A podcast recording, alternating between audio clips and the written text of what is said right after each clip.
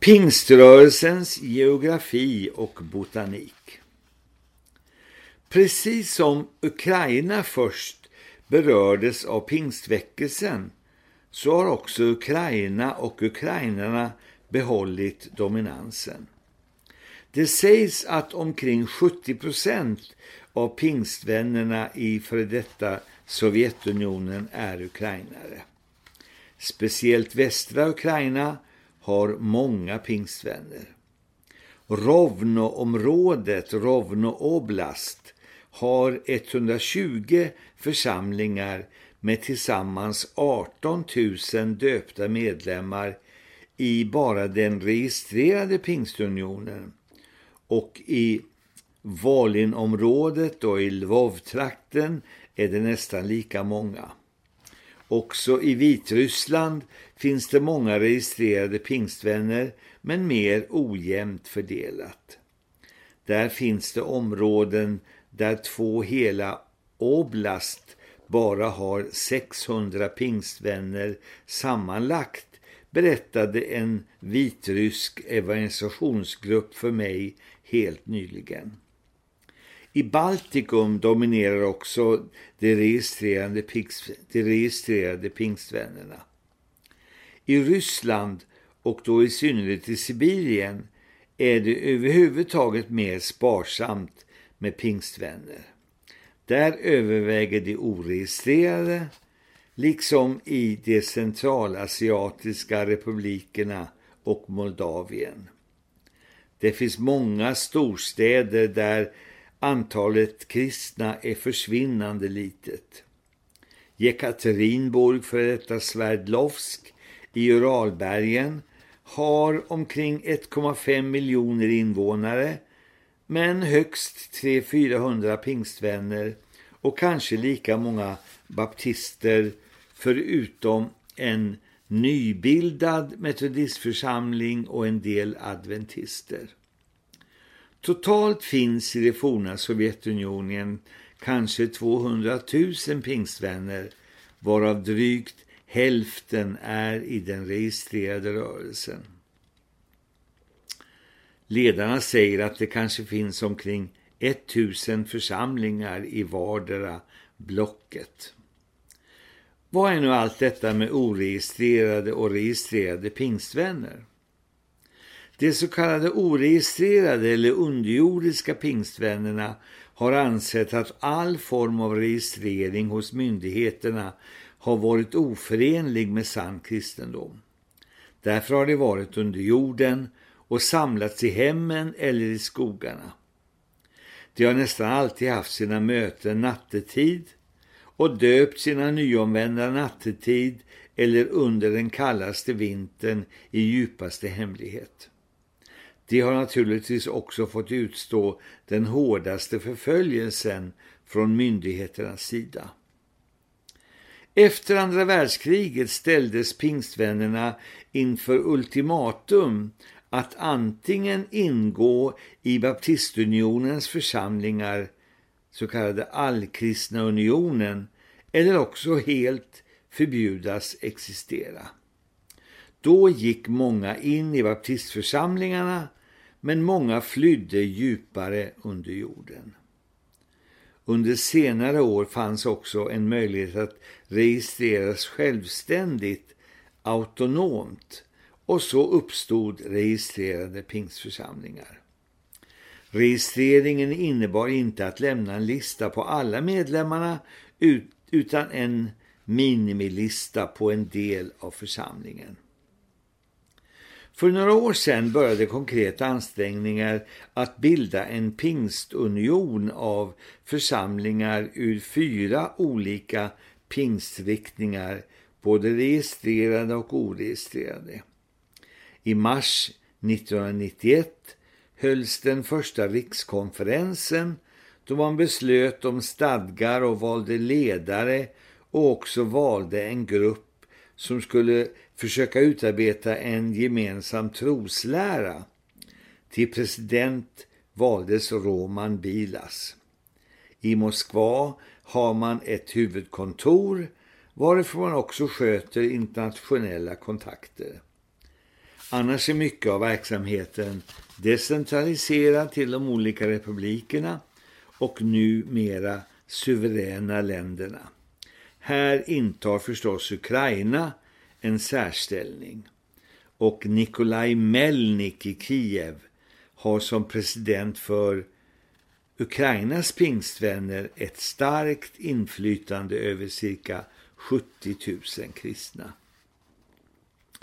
Det andra stora pingstsamfundet är huvudgruppen av oregistrerade pingstvänner med 80 till 100 000 medlemmar under ledning av Ivan Levchuk, Kiev och Viktor Belich, Kishinev i Moldavien som ärkebiskopar med en rad biskopar och pastorer under sig.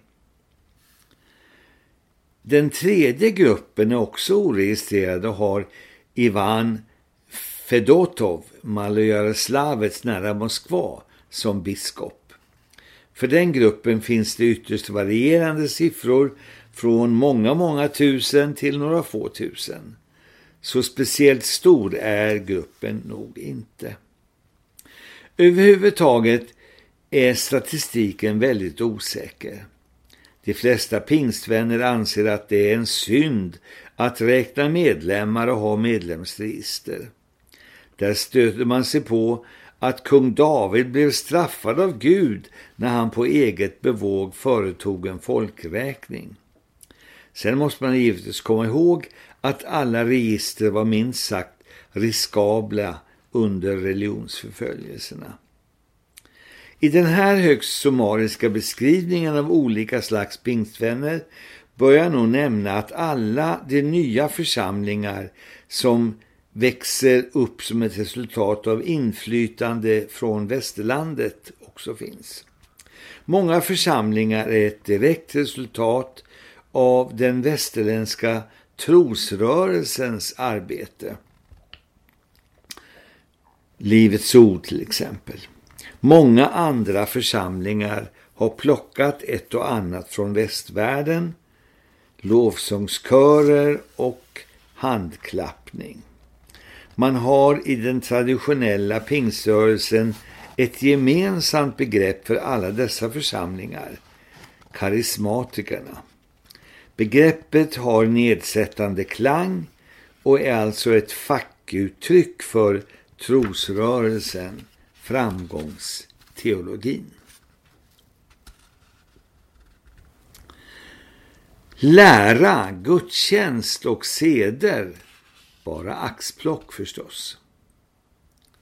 Det finns en hel del som förvånar en västerländsk kristen som närmare bekantar sig med en rysk pingstförsamling. Synen på andra kristna är fortfarande väldigt intolerant i många fall. Det beror säkert delvis på att pingstvännerna har ansetts som en farlig sekt både av allmänheten och av andra kristna. De har varit utstötta och kanske reagerat med att i sin tur stöta bort andra. En biskop bland de oregistrerade tog för ett par år sedan med mig upp frågan om brudeskaran som ska vara med Jesus i himlen.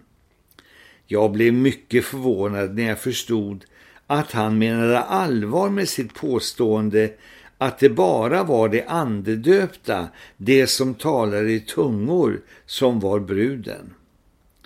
Han blev lite fundersam när jag sa åt honom att en sån lära nog hålls som en villfarelse av så gott som alla pingstvänner i västvärlden och på andra håll.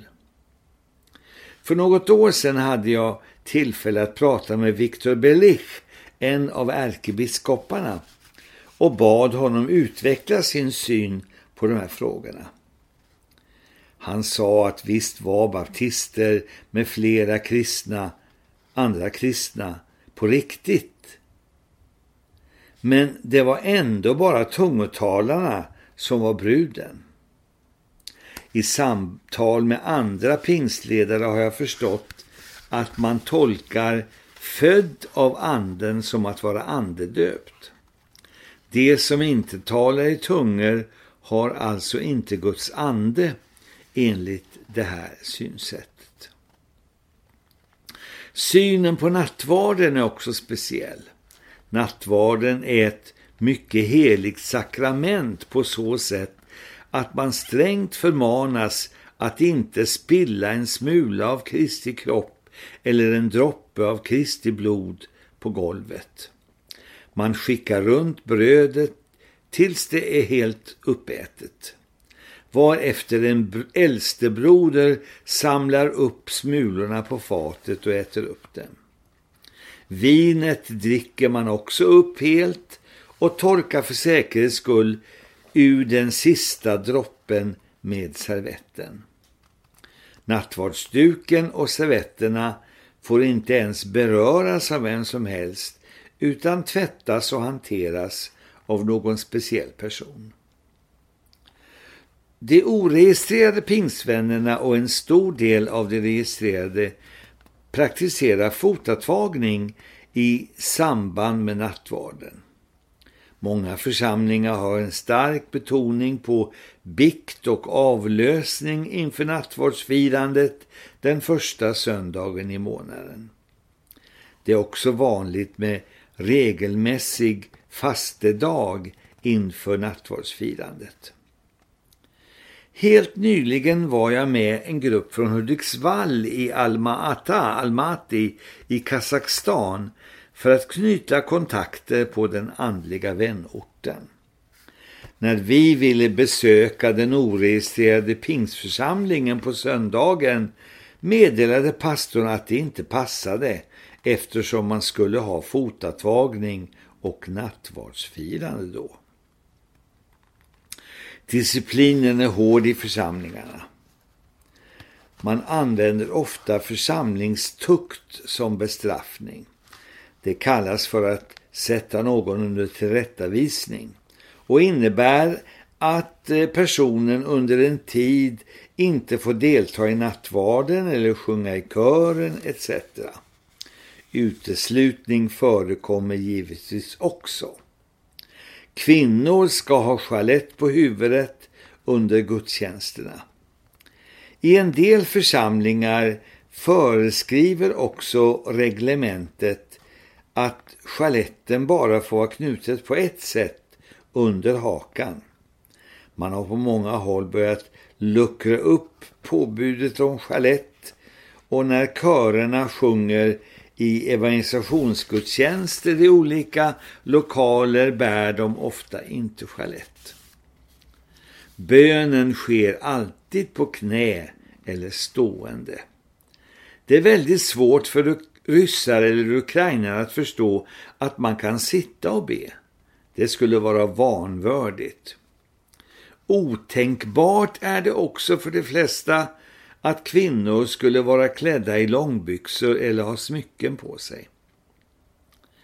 Vigselringen har börjat smyga sig in hos en del unga par i registrerade församlingar. Men man ser inte på den med blida ögon från de flesta håll. Slips är fortfarande fel och nästan synd bland de oregistrerade. Man kallar slipsen för Judas snara. Om man är gudfruktig så ska man vara utan slips men ha översta skjortknappen knäppt. Man hälsar på varandra med att säga jag hälsar er, underförstått, med frid. Och så kysser man dem av samma kön på munnen eller kanske på kinden. Det är lite ovant i början för oss västerlänningar. Gudstjänsten är egentligen ganska likartad varje gång, vare sig det är en förmiddagsgudstjänst eller ett bönemöte. En predikant säger lite och sen står alla upp och ber. Sen blir det församlingssång och eventuellt sång av kören. Efter det kommer en kort predikan som inledning till en bönestund på knä Sen står alla upp medan kören sjunger någon bönesång. Ett par korta predikningar följer sedan med sång emellan. Den som sedan avslutningspredikar bjuder också frälsningssökande att komma fram, men aldrig troende som önskar förbön. De som vill bli frälsta, och nästan i varje gudstjänst är det några, får komma fram och be högt om syndernas förlåtelse. Sen ber man för dem och hälsar dem välkomna till gemenskapen med en broders- eller systerkyss. Efter ytterligare någon sång ber man för alla bönämnen på lappar eller framförda muntligt. Efter en gemensam bön för alla dessa behov ger man tillfälle till dem som vill framföra hälsningar från andra platser och församlingar. Efter varje hälsning säger församlingen vi tar emot och efter alla hälsningarna tackar man gemensamt och ber om en svarshälsning. Sedan är mötet slut. Ute på gården är alla fryntliga och glada. Och gästfriheten är enorm mot gäster vare sig det kommer från grannstaden eller från utlandet. Det skär alltid hjärtat på en när man vet att familjen, också barnen, får det knaprare än vanligt efteråt när gästerna har lämnat det dignande bordet. Rysk gästfrihet är tjusig men oresonlig. När det gäller seder och bruk så tolererar de flesta församlingar hos oss utländska gäster det mesta, både chalettbrist och slipsar och vigselringar och smycken och lite smink och att visa glädje i gudstjänsten. Jag tror personligen att det är viktigt för de ryska kristna att se kristna som är världsliga till det yttre men ändå brinnande. Dock har jag hittills avrått från att sitta under bönen eller för damerna att vara byxklädda.